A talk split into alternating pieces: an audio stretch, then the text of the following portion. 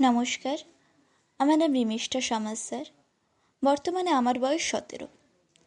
আজকে আমি উপস্থাপন করতে চলেছি কবি পূর্ণেন্দু পুত্রী রচিত যে টেলিফোন আসার কথা। যে টেলিফোন আসার কথা, সে টেলিফোন আসেনি। প্রতীক্ষাতে প্রতীক্ষাতে সূর্য ডোবে রক্তপাতে স্বপ্নে ভিয়ে একলা আকাশ নিজের শূন্য বিছানাতে। একান্তে যার হাসির কথা, হাসেনি। যে টেলিফোন আসার কথা, আসেনি।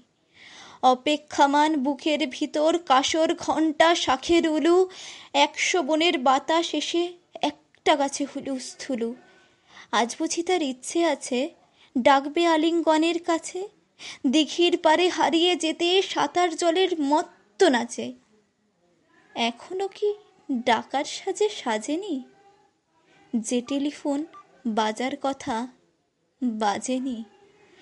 তৃষ্ণা যেন জলের ফোঁটা, বাড়তে বাড়তে বৃষ্টি বাদল। তৃষ্ণা যেন ধূপের কাঠি গন্ধে আখে সুখের আদল। খাখা মনের সবটা খালি মরা নদীর চড়ার বালি, অথচ অথচ দুয়ার, অথচ দুয়ারে তৃষ্ণা বাজায় করতালি। প্রতীক্ষাতাই প্রহর বিহীন আজীবন ও সর্বজনীন। সরোবর তো সবার বুকেই, পদ্ম কেবল পর্দানশীল। স্বপ্নকে দেয় সে সর্বশরীর, সমক্ষে সে ভাসে না।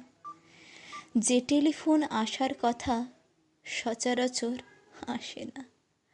যে টেলিফোন আসার কথা সচরাচর আসে না।